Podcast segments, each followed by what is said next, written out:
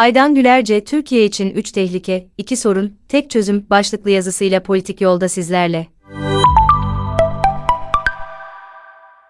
Türkiye'nin demokratik ve sosyal refah toplumu olması, tüm meselelerin ve tüm kesimlerce hep birlikte yeterince kapsayıcı ve çoğulcu bir toplumsal çerçevede diyalojik dayanışmayla ele alınmasına bağlı. Ülkenin acil çözüm bekleyen yığınla meselesi var diye başlamayacağım bir yazıyı iple çekiyorum. Fakat sanki hayati önemdeki mevcut sorunları yetmiyormuş gibi daha zor yenileri de eşikte bekliyor. İktidarın yönetsel yeti yitimiyle birlikte, toplumun tüm demokratik gelişim endekslerindeki yeri de belirginleşiyor. Bir ülkeyi iktidarın yönettiği klişesi biliniyor. Fakat toplumsal muhalefetinde iktidarı ve ne şekilde yönettiğinin bilincinde olunduğunu sanmıyorum. Özellikle de bu toplumda işler alışılmışın dışında bu kadar kötü gitmekteyken, bunun daha da önem kazandığı ve ne yapılması gerektiği hal idrak edilemedi. Kurtarıcı muhalefet ve farklılıklar. O halde bu noktadan hareketle şu sorularla devam edelim. Önemli bir kesimin bel bağladığı, kurtarıcı muhalefetin tecrübeli siyasetçileri toplumu, doğru okumak ve gerekli hamleleri zamanında yapmak konusunda ne kadar yetkin? Yıllardır zaten iyice kıtlaşmış entelektüel sermayeden yeterince iyi beslenebiliyorlar mı? Kanımca yaygın vasatlığın ve öfkeli gürültülünün yarattığı şu bulanık, kakofonik ve tehditkar ortamda, sapı, samanı, yararlı otu ve nitelikli tohumları ayrıştırmak hiç o kadar da kolay değil. Ayrıca bu ülkede demokratik anlamda liyakatli toplumsal eleştiri kültürü ve toplumla kaynaşmış güçlü bir siyasi muhalefet hiçbir zaman olmadı. Tek bir muhalefet, hatta tek bir ana muhalefet partisi, örneğin tek bir CHP'de, ilk veya son yıllarında olmadı. Fakat sanırım hiç bugünkü kadar çok sayıda parti ve kendi içlerinde veya aralarında farklılık da olmadı. Dahası bu ince kimliksel nüanslar ile ayrışma derdine düşüldüğü, temsili demokrasinin bu kadar araçsallaştırıldığı ve siyasetin lümpenleştiği başka bir dönemde olmadı. Seçim ittifakları ve benzeşiklikler. Geçtiğimiz haftaya bu açıdan bakınca iki gelişme göze çarptı. Bir yanda, Millet İttifakı'nın altı parti temsilcisi demokratik toplumu nasıl tesis edecekleri konusunda uzlaştıklarını söyledi. Diğer yanda, kendilerini solda konumlandıran partiler üçüncü ittifakı kurdu. Onlar da Cumhurbaşkanı seçimi için değil, milletvekili seçimleri için, yani %20'lik bir grubu yakalayıp TBMM'ne girmek için güçlerini birleştirdiklerini açıkladı. Yani her ikisi de sanki seçim olmuş, sonuçları alınmış ve iktidar devrilmiş gibi konuştu. Doğrusu o algoritmaların alarılar izlemekte zorlanıyorum. Haydi ciddi mantık ve diğer türden muhakeme hatalarını bir yana bırakalım. Hatta muhalefetin motivasyonunu kırmamak adına, göstermelik bir motivasyonla atlaya zıplaya çıktıkları basamakları da görmeyelim. Epeydir ağırlıklı olarak bir rejim tasarımı söylemidir gidiyor. Peki seçilecek Cumhurbaşkanının eline verilince tıkır tıkır iş göreceği söylenen ve kapalı kapılar ardında uzman temsilcilerle çizilen bu yol haritası toplumsal topografyayı ne kadar doğru temsil ediyor? Millet İttifakı kimimiz sosyal, kimimiz milliyetçi, kimimiz muhafazakar, vs ama hepimiz demokratız diyor. Fakat demokratik toplumlaşma kuram ve pratiklerini daha başından usul ve esastan ihlal ettikleri görülüyor. Keza Demokratik İttifak adı altında solda birleştik diyenler de sınıf bilinci veya her türden ötekileştirilmiş kimlik grubu bilincinden söz ediyor. Solun bugünkü Türkiye toplumunun küyerel dönüşümlerine tercümesinden fersah fersah uzak düştükleri ise gözden kaçmıyor. Üç büyük tehlike Öte yandan, demokratik ve sosyal refah toplumu olmakla ilgili tüm meseleler önce hep birlikte genel ve geniş bir kavramsal çerçeveden ele alınmalı. Yani eş zamanlı olarak ve disiplinler, boyutlar, düzlemler, ölçekler, diller ve benzeri açısından çoğulcu bakılarak teşhis edilmeli ve çözülmeli. Böyle entegre düşününce, ülkenin karşı karşıya kaldığı en temel ve tehlikeli zorlukları, özellikle kavramsal çiftler olarak sunduğum üç kategoride toplamak mümkün. 1. Yobazlık ve şiddet 2. Cehalet ve eziklik. 3. Parçalanma ve kaygı.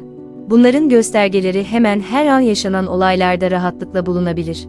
Geçtiğimiz haftanın ortak gündeminden de hatırlanabilir. Örneğin, Hrant'ın 15 yıl önceki faili meçhul katledilişinden, Enes'in failleri belli kendini katledişine kadar. Tarikat evlerindeki veya devlet yurtlarındaki gençlerin sahipsizliğinden, yoksul ve güçsüzlerin devlet veya özel sektör tarafından istismarı konularına kadar. Bu temel ve tehlikeli çiftlerdeki öndeki eşler sırasıyla ve ağırlıklı olarak ahlaki, epistemolojik ve ontolojik tehditlere tekabül ediyor. İkinciler ise insanların bireysel, kolektif psikolojilerinin gerçek gündelik özel kamusal yaşamda baş etmek durumunda kaldıkları olgular. İktidar kendini devlet yönetimine getiren, haluda diri ve ayakta tutan ikincilere yapışmanın siyasi getirisini çoktandır keşfetti. Bu muhafazakar ve kapalı toplumda, bil, mey, erek hem yobazlığı, cehaleti ve parçalanmayı körüklüyor. Hem de onlara eşlik eden duyguları sömürmeyi ve kışkırtmayı ısrarla sürdürüyor. Muhalefet yandaşlarının yok artık diyerek önden işaret ettiklerini, adeta azmettirdiklerini özellikle yaparak üstelik. Böylece değil demokrasi, sağduyu veya kolektif makuliyet sınırlarını filan tanımadan, azim ve inatla baskıcı gücün, kontrolün kendinde olduğunu hatırlatıyor. Haddini had bildirerek sürekli genişletiyor. Muhalefet ise halekincilerin ne toplum, ne de kendinin siyasi yükselişi için hayati önemini kavramış görünüyor. O da bunlara ısrarla algı yönetimi ve yandaş medya manipülasyonu demenin ötesine henüz geçemiyor. Rasyonalist argümanlar ve bilişsel yöntemler ile halkı, yani popülasyonun tamamını, iktidarın sahtekarlıkları ve yetersizlikleri konusunda ikna etmeye uğraşıyor. İki temel sorun. Bu gerçek tehlikelerle etkili başa çıkmanın yolu ise sadece toplumsal karmaşayı belirleyici en temel sorunları ciddiye almaktan ve öncelemekten geçiyor. O bakımdan da şu iki toplumsal praksis çiftine dikkat çekmek isterim. Zira öncelikle bunların ilişkisel sorunlarını iyi anlamak ve demokratik yönetişimle çözmek gerektiği kanısındayım. 1. Laiklik ve istismarcı dinbaz siyaset. 2. Milliyetçilik ve baskıcı devletçi siyaset. Bunların dördü üzerine de ayrı ayrı farklı açılardan ve niteliklerde bolca yazıldı. Kuramsal veya toplumsal pratikteki karşılıklarına değinmeme de gerek yok.